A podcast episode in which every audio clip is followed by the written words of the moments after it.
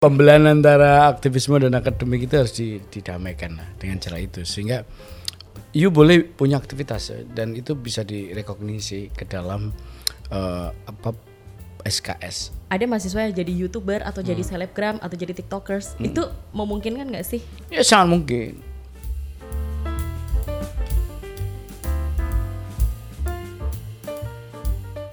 Halo kawan UGM. Hai kawan UGM. Kita jumpa lagi di UGM Podcast. Yes, setelah sekian banyak episode ya kita kembali lagi untuk membahas hal-hal luar biasa di kampus Universitas Gajah Mada ya. Benar banget. Dan di episode kita kali ini kita akan ngobrol bahas tentang perkuliahan. Okay. Tapi bukan perkuliahan yang di dalam kelas gitu loh, Dit. Mm -hmm. Nah, berarti uh, yang di eh, luar kelas ya? Yes, yang non akademik berarti ya? Iya, benar banget. Oke. Okay. Uh, sebelum kita bahas ke situ, aku mau nanya dulu sama Adit nih. Mm -hmm.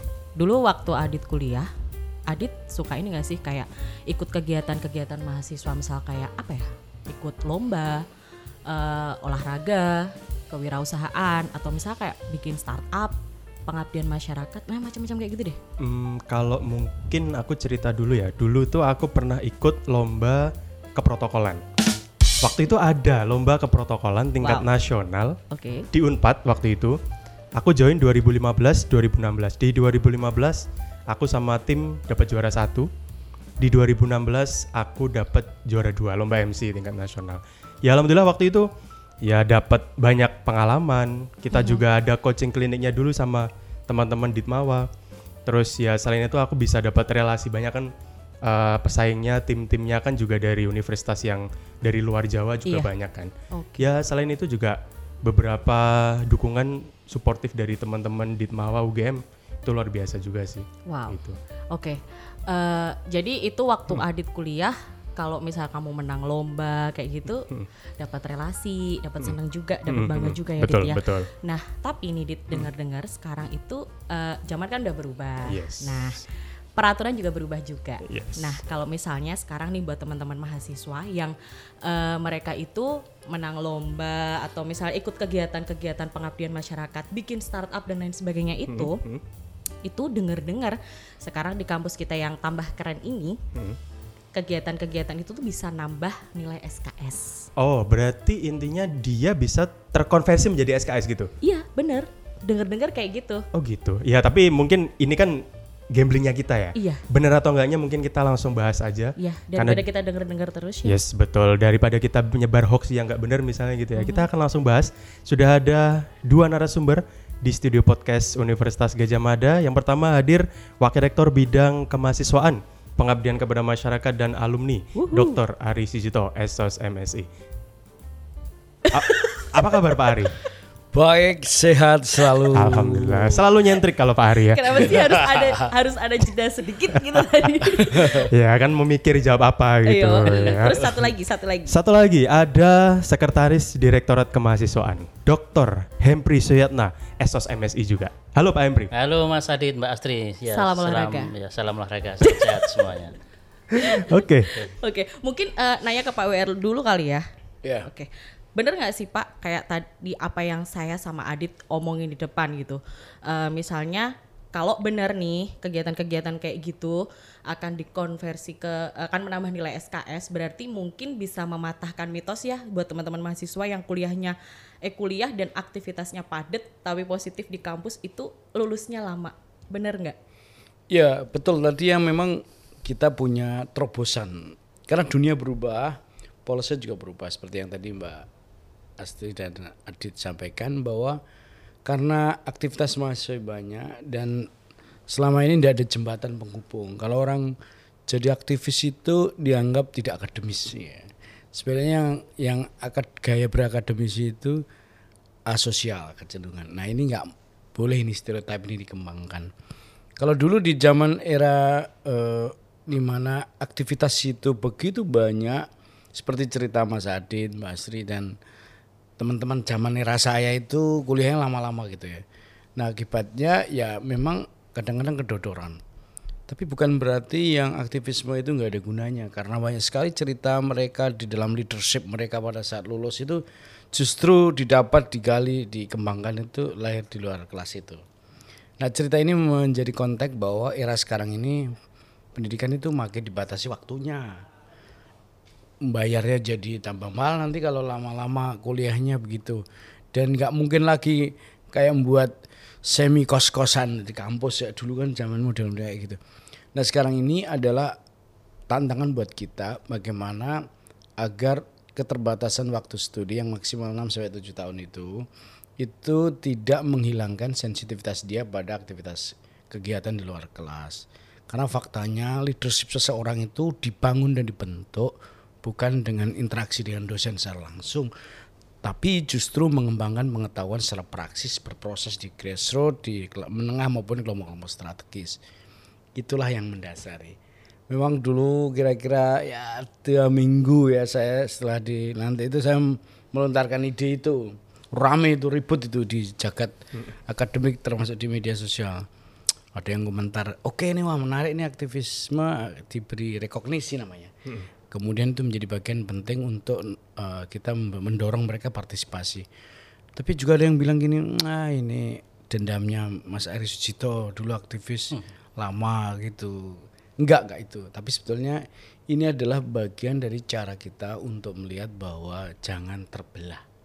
Jadi yang terbelah itu bukan hanya pemilu ya Nah, ini Oke. jadi pembelahan antara aktivisme dan akademik itu harus di- didamaikan lah dengan cara itu sehingga you boleh punya aktivitas ya, dan itu bisa direkognisi ke dalam eh, apa SKS. Ada bisa lewat SKS nanti spesifik Embri Mas Embri ini sekretaris direktorat kemahasiswaan. Tapi juga ada yang lewat SKPI surat keterangan pendamping ijazah. Oke. Nah itu tujuan kami sebetulnya agar ini catatan penting nih dalam lima tahun belakangan, terutama tiga sampai lima tahun belakangan ini, eh, minat mahasiswa dalam ikut organisasi itu kecil sekali, menurun merosot. Mereka lebih banyak diakum, ditampung dalam kegiatan media sosial, ngeksisnya itu lewat gadgetnya masing-masing, begitu nggak butuh organisasi. Tapi gue pikir itu penting untuk direspon agar tidak buat dikotomi sehingga tantangan buat organisasi mahasiswa atau aktivitas mahasiswa juga harus kreatif gitu. Tidak boleh juga melihat ini udahlah kamu tergantung apa kemauanmu. Kalau dulu wah itu hebat lah gitu. Orang bisa terlibat bisa membagi waktu gitu. Sekarang ini banyak pilihan mahasiswa gitu. Nah oleh karena itulah maka tugas kita sebagai policy maker pengambil keputusan ya kita punya visi ke depan sehingga peraturan rektor itu dibuat. Akhirnya kira-kira beberapa minggu lalu ya itu ditetapkan di rap- rapat senat dan di situ ada senat pimpinan senat anggota maupun eh, apa PU juga bagian dari itu diputuskan itu peraturan rektor tentang rekognisi aktivitas kegiatan ekstrakurikuler ke dalam SKS. Oke, wah luar biasa. Ini mungkin dari sudut pandang policy maker ya, eh, Pak Ari Zito.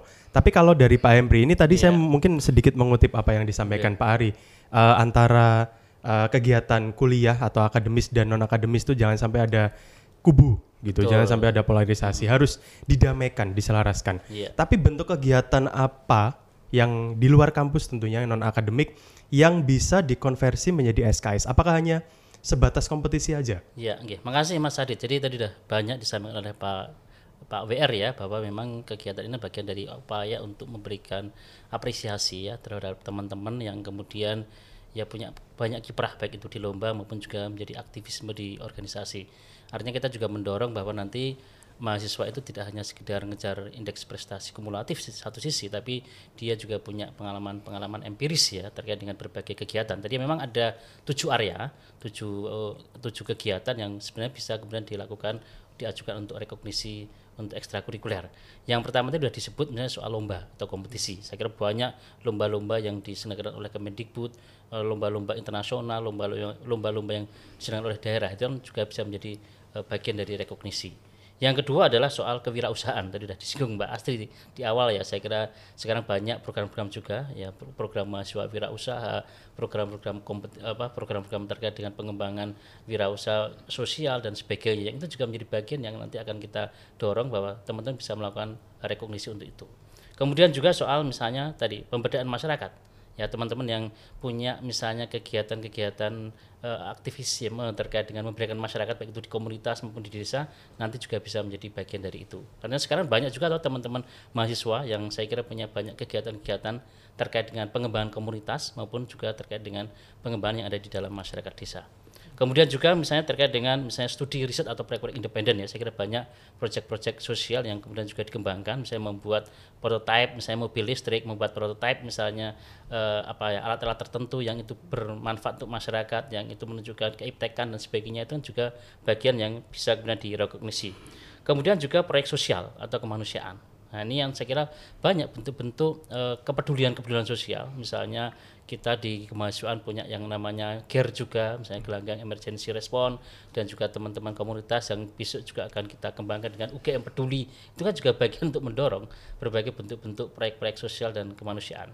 Dan kemudian juga yang tadi tidak kalah penting yang tadi disinggung adalah organisasi ya jadi saya kira banyak organisasi-organisasi yang diikuti oleh mahasiswa eh, baik itu di level eh, departemen kemudian di level universitas maupun di level daerah. Tapi tentunya ini bukan organisasi politik ya tapi organisasi organisasi sosial, sosial kemasyarakatan yang itu bisa menjadi sebuah arena bisa menjadi sebuah wadah bagi kemudian teman-teman untuk kemudian eh, apa mengembangkan karir di situ. Dan yang terakhir tujuh adalah olahraga dan seni Nah ini yang saya kira banyak eh, kompetisi-kompetisi nasional, misalnya pekan olahraga mahasiswa, PON, SEA Games, Asian Games, atau mungkin teman-teman yang punya banyak uh, aktif bergerak di bidang misalnya seni, ya art dan sebagainya, yang itu saya kira nanti bisa diajukan untuk uh, kegiatan-kegiatan rek, rekognisi ini. Dan memang catatannya memang ya kegiatan itu adalah minimal satu semester karena tidak bisa misalnya ketika dia hanya punya tadi rentang waktunya satu bulan ya tapi terus kemudian diajukan. Tapi ada batas tadi minimal adalah adalah enam enam bulan enam ya, bulan atau satu satu semester. kecuali memang untuk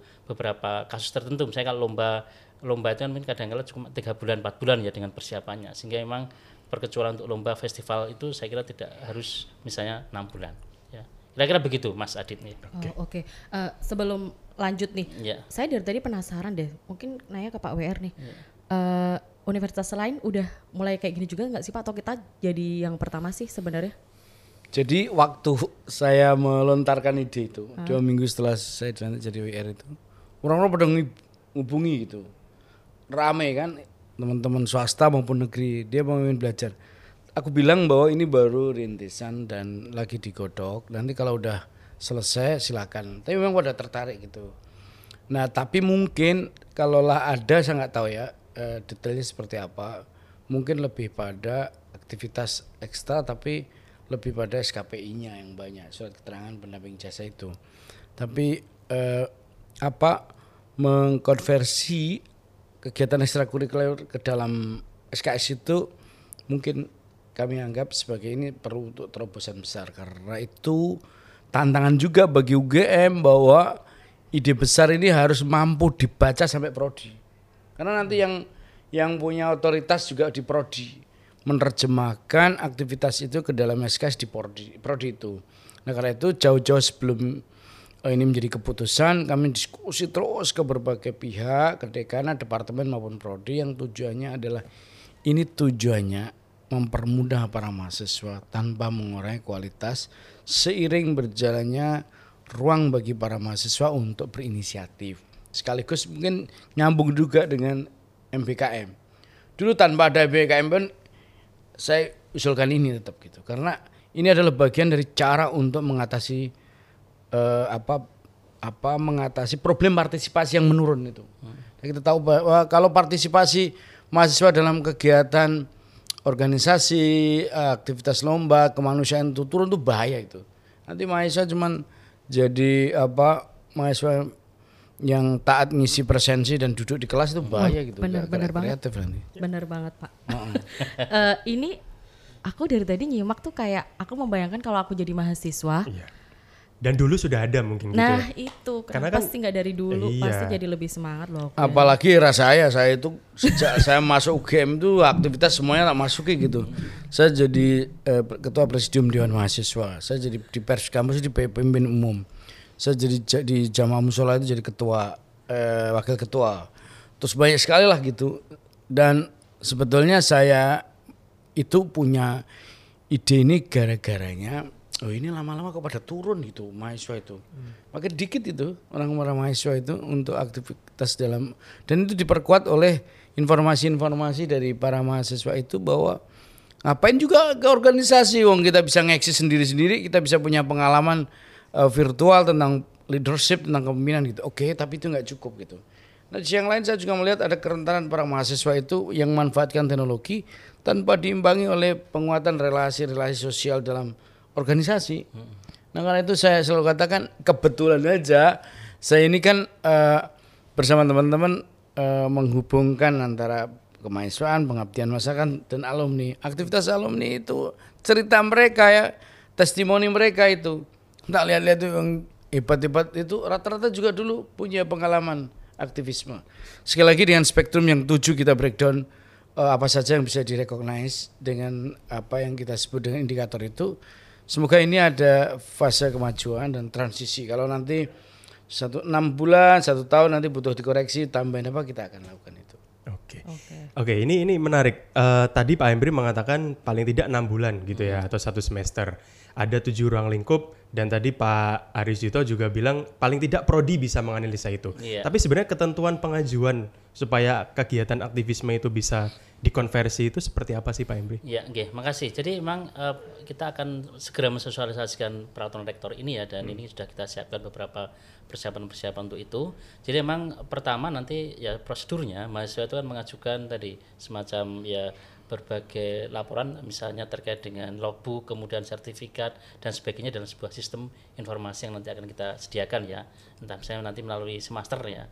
Kemudian yang kedua kita akan melakukan verifikasi administrasi.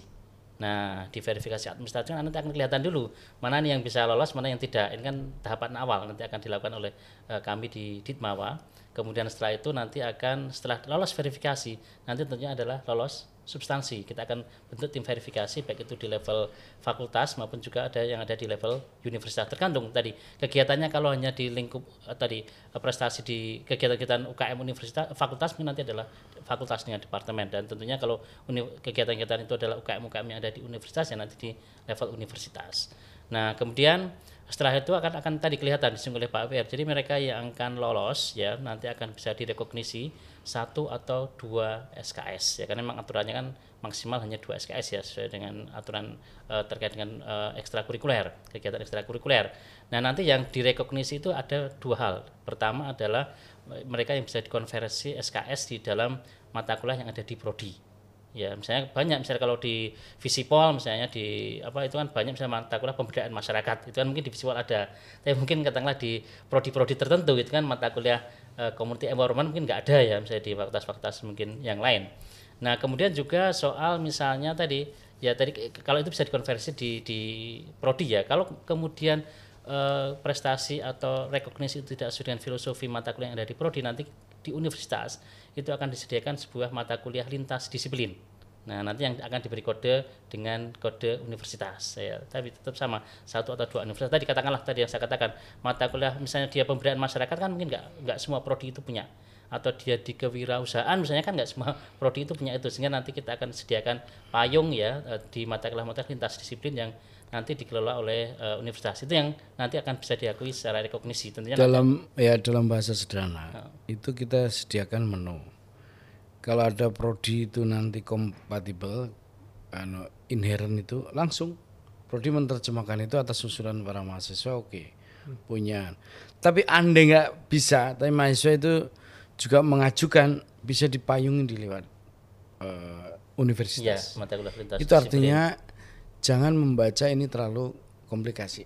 Enggak, tapi sesungguhnya ngomong tentang merdeka belajar kamu masih merdeka itu kalau birokrasinya enggak merdeka ya percuma begitu. Jadi dimulai dari nalarnya harus nalarnya policy maker di level universitas, fakultas sampai prodi harus terbuka. Percayalah kecerdasan mereka itu sangat dipengaruhi oleh cara kita memperlakukan mereka. Semakin ada ruang yang tersedia untuk mereka berkreasi, kecerdasan akan tumbuh. Dan itu artinya memang nggak perlu itu dipersulit itu. Meskipun tugas pengajar itu kan ya mendidik, ya melayani, ya membantu, ya kan? Yes. Bahwa nanti belum belum ini gimana kalau sini, ya diuji dulu lah gitu. Oke, berarti Sulit tidak ini kan harus dicoba dulu gitu. Yes. Gitu. Terus ini eh, teman-teman bisa mulai mengajukan ini tuh dari kapan sih Pak? Ya, ini lagi anu ya, pertama adalah eh, kami persiapan dan juga nomor peraturan rektor ya kan kita Oke. juga masih nunggu juga ya sehingga kita akan eh, eh, apa persiapan ini sosialisasi secepatnya ya. secepatnya ke ke prodi kemudian ke mahasiswa ya tentunya dan juga berbagai pihak yang terkait dengan itu. Ya, mudah nanti di semester depan sudah bisa kita mulai ya. Karena Amin. sudah sudah ada perat- nomornya tinggal nunggu nomor nomor peraturan Oke, rektornya. Oke. semoga secepatnya ya Ya, Pak ya. oke. Siap. Iya. Minggu ini kita sudah rapat untuk persiapan. Siap. Iya. Nanti kita bantu untuk publikasi Iya, semua. kita bantu publish sama sosialisasinya mungkin gitu ya. Ini kan cuman ngurus kampus saja nggak bisa. kan. Oh, iya. Harus bisa. Yes. Mengurus Indonesia aja bisa. kok. Jadi artinya memang tantangan kita ini UGM akan mendorong kreativitas. Ini itu supaya mahasiswa itu kan banyak sekali tahu Anda lihat misalnya anak-anak itu eh, jadi apa entrepreneur terus jadi itu yang eh, barista, Hmm, eh canggih-canggih. iya, iya, betul. terus aktivitas. Misalnya tadi ada contoh orang kedokteran ngelakuin apa ya gitu. Dia bisa melakukan ke- kesehatan berbasis komunitas. Krisis pandemi ini menjadi proses pembelajaran kita bahwa ada banyak lokal inisiatif di masyarakat yang kadang-kadang kampus itu gagal menjemput. Yang menjemput justru kelompok-kelompok lain. Nah, yang kayak gitu-gitu saya yakin kalau mahasiswa nanti diberi ruang, dia akan lakukan itu. Dan tugas eh, universitas, tugas fakultas, tugas prodi itu mem- memudahkan mereka menerjemahkan ini secara akademik. Oke. Gitu. Kalau misalnya nih Pak, kayak ada mahasiswa yang jadi youtuber atau jadi Hmm. selebgram atau jadi tiktokers, itu memungkinkan nggak sih? Ya sangat mungkin. Yang penting itu kan ada, kan ada ukuran-ukuran. Oke. Ukuran-ukuran orang ikut youtuber itu kan ada yang punya motivasi untuk eh, ke publik edukasi, ada juga ngeksis, ada juga cari duit dan sebagainya. Nah itu yang harus kita nilai indikator kita proses pembelajaran. Prinsipnya tidak ada yang tidak bisa. Yang perlu kita lakukan adalah kecerdasan kita menerjemahkan hal yang kompleks itu jadi mudah gitu. Jangan sampai yang apa mudah dipersulit gitu. Nah, oleh karena itu saya percaya waktu kita diskusi dengan para dekan, para wakil dekan dengan prodi ya, itu kita buat semacam uji apa namanya? Uji uji publik, publik, ya, uji uji publik sebelum peraturan itu menjadi keputusan di uji publik. Kita diskusi dialog dari berbagai, terus kemudian di senat juga kita diskusikan, kita bahas. Tujuannya apa? Agar dynamic uh, praksis dalam proses pendidikan yang beragam itu harus mampu dipotret. Bahwa nanti ada kesulitan, kita lihat dulu, oh yang perlu dibenahi di level ini. Ya kita coba dulu supaya ada terobosan yang kita bisa lakukan. Oke. Oke, luar biasa sekali ini sebenarnya banyak sekali yang eh, mungkin sudah diceritakan oleh Pak Aris Jito dan juga Pak Hempri. Dan mungkin kita tunggu ya Mbak Astri ya mungkin untuk eh, peraturan rektornya. Kita siap untuk bantu publikasinya dan tentunya harapannya nanti teman-teman mahasiswa bisa eh, setuju dengan hal ini dan dalam artian ini bisa mengimplementasikan juga di lingkungan eh, mahasiswa gitu ya. Iya, betul. Dan harapannya dari prodi juga bisa mentranslate apa yang tadi sudah disampaikan Pak Ari ya kegiatan aktivisme itu ya bisalah untuk uh, dikonversi menjadi ke SKS atau kegiatan akademik gitu ya. Eh, Pak, sorry nih. Eh, satu lagi aku mungkin mau nanya. Ini tuh berlaku untuk mahasiswa S1, S2, S3 atau Hanya khusus S1 atau diploma saja. Ini yang paling utama itu S1. Oke. Karena S2 itu kan udah kenyang aktivitas tuh. Udah ber- rata-rata Ya, udah tapi kali tapi kan. memungkinkan nggak kalau ya bisa aja nanti. Tapi apa ini lebih banyak anak-anak S1 karena persemaian membangun karakter dengan jumlah yang banyak prosesnya minimal kan tiga tahun empat Iya, tahun itu proses yang banyak. itu harus diberi wadah itu. Kalau ada mahasiswa S3 mau ikut-ikutan ya silakan aja tapi sudah laku fokus disertasi aja S3 itu. Nah Benar. anu ini terutama ini S1 Iya. ya oke siap semoga bisa. Jadi universitas itu juga mensupport teman-teman kita itu dari yang dari level yang paling awal gitu loh. Yes, nah, betul. ini benar-benar kayak kita digodok di sini dan diapresiasi. sih Ya, sebenarnya sama saya harapannya juga itu Mas Adit dan Mbak Sri bahwa ini nih akan menjadi sinyal buat kita bahwa kampus ini mampu menerjemahkan dinamik yang ada. Dan sukses itu tidak semata-mata ditentukan di bangku kuliah. Ya, tapi juga di luar bangku kelas maksudku ya, tapi juga di luar banyak aktivitas. Yang ketiga agar mahasiswa itu banyak pilihan. Jangan suntuk ini hanya memilih tiga ini, pilihan terlalu sedikit itu kasihan. Nanti kalau dia wah kayaknya passion saya nggak di sini kegagalan tuh akhirnya depresi down. Jangan. Betul. Kita harus ciptakan kampus ini nyaman tapi juga enak untuk dijadikan tempat belajar. Nah ini tentu saja loh ya, ini ini tidak ini hanya peraturan loh ya. Ini menuntut culture di kalangan para dosennya juga. Dosennya harus lebih terbuka ya, lebih mampu untuk mengikuti dinamika. Kalau kalau enggak ya percuma gitu. Enggak perlulah ini dosen-dosen killer kayak gitu enggak enggak zamannya gitu. Nah, karena itu pula saya senang ini eh, para dosen entah itu profesor, doktor, master itu eh, punya banyak mengapresiasi ini dan ini saya yakin juga akan menjadi bagian dari memecahkan kejumutan para mahasiswa. Di mana pun you bisa belajar, ini intinya itu. Dan cara anda belajar yang beragam itu kita buat, kita atur supaya lebih memungkinkan mereka menikmati proses ini gitu. Itu saya kira begitu. Oke. Dit, tadi dengar nggak Pak WR ngomong apa? Kesuksesan itu tidak hanya ditentukan dari bangku kuliah. dalam kelas gitu tapi ya. syukur-syukur bisa dua-duanya kayak narasumber kita. Betul sekali ya. Ini contoh dua orang yang sukses. Belajar dari dulu kan, Pak Ari Betul. tadi bilang loh, katanya waktu kuliah, seandainya waktu aku kuliah gini-gini sama. Nah, Iya. sekarang sudah saatnya beliau mewujudkan itu. Iya, dan role play-nya sudah ada ya, tidak hanya aktif di dalam kelas tapi juga di luar kelas aktif ya. Wakil rektor loh, luar biasa. Dan ini bisa menjadi acuan juga. Senyum dong, Pak. Barangkali besok kalau misalnya aktivisme bisa dikonversi menjadi SKS ini di UGM berhasil, mungkin kampus-kampus lain bisa mencontoh UGM juga Ya ya, Mas berapa Tri? waktu itu mas itu berapa kampus ngubungi saya gitu. Nah, itu Terus saya bilang makanya. waktu itu tunggu mas nanti tunggu mbak ini nanti kita anu kita Kaji dulu diskusi ya. lah. Tapi ini sudah jadi keputusan oke saya senang. Semoga nanti kita akan berkomunikasi mereka. Baik, terima kasih Pak Aris Jito, Wakil Rektor Bidang Kemahasiswaan, Pengabdian kepada Masyarakat dan Alumni dan juga Sekretaris Iya, makasih. Direktorat Kemahasiswaan ini sudah banyak sekali. Semoga ya harapannya kita bisa insya Allah nanti membantu untuk uh, publikasinya Mbak Astri ya. Sosialisasinya juga Iya. kita bisa bantu. Iya. Harapannya tadi semester depan ini sudah bisa diimplementasikan gitu dan mahasiswa bisa mendapatkan informasi yang sejelas-jelasnya terkait dengan uh, peraturan rektor yang saat ini sudah disampaikan atau sudah dibicarakan oleh kedua narasumber kita gitu ya Mbak Astri ya. Secara pribadi aku juga punya harapan sih kayak yang disampaikan Pak Ari tadi bahwa semoga dengan diakuinya ini gitu loh teman-teman mahasiswa tuh jadi lebih ngerasa terapresiasi, mereka lebih semangat eh, melakukan banyak aktivitas, terus eh, apa mentalnya sehat dan semuanya sehat gitu kita bikin ekosistem yang sehat juga. Betul sekali. Dan mungkin bagi Kanu Game yang ketinggalan dengan episode-episode podcast kita yang sebelum-sebelumnya, silahkan cek di akun YouTube-nya Universitas Gajah Mada atau di Spotify-nya UGM. Silahkan banyak sekali tema-tema menarik yang bisa teman-teman jelajahi di podcast Universitas Gajah Mada ya. Ya, dan buat kalian semua yang merasa kalau podcast-podcast kita bermanfaat untuk semua orang, jangan lupa untuk di-share di semua media sosial kamu. Yes, dan sampai bertemu di podcast berikutnya. Sampai jumpa semuanya. Bye bye. Yes.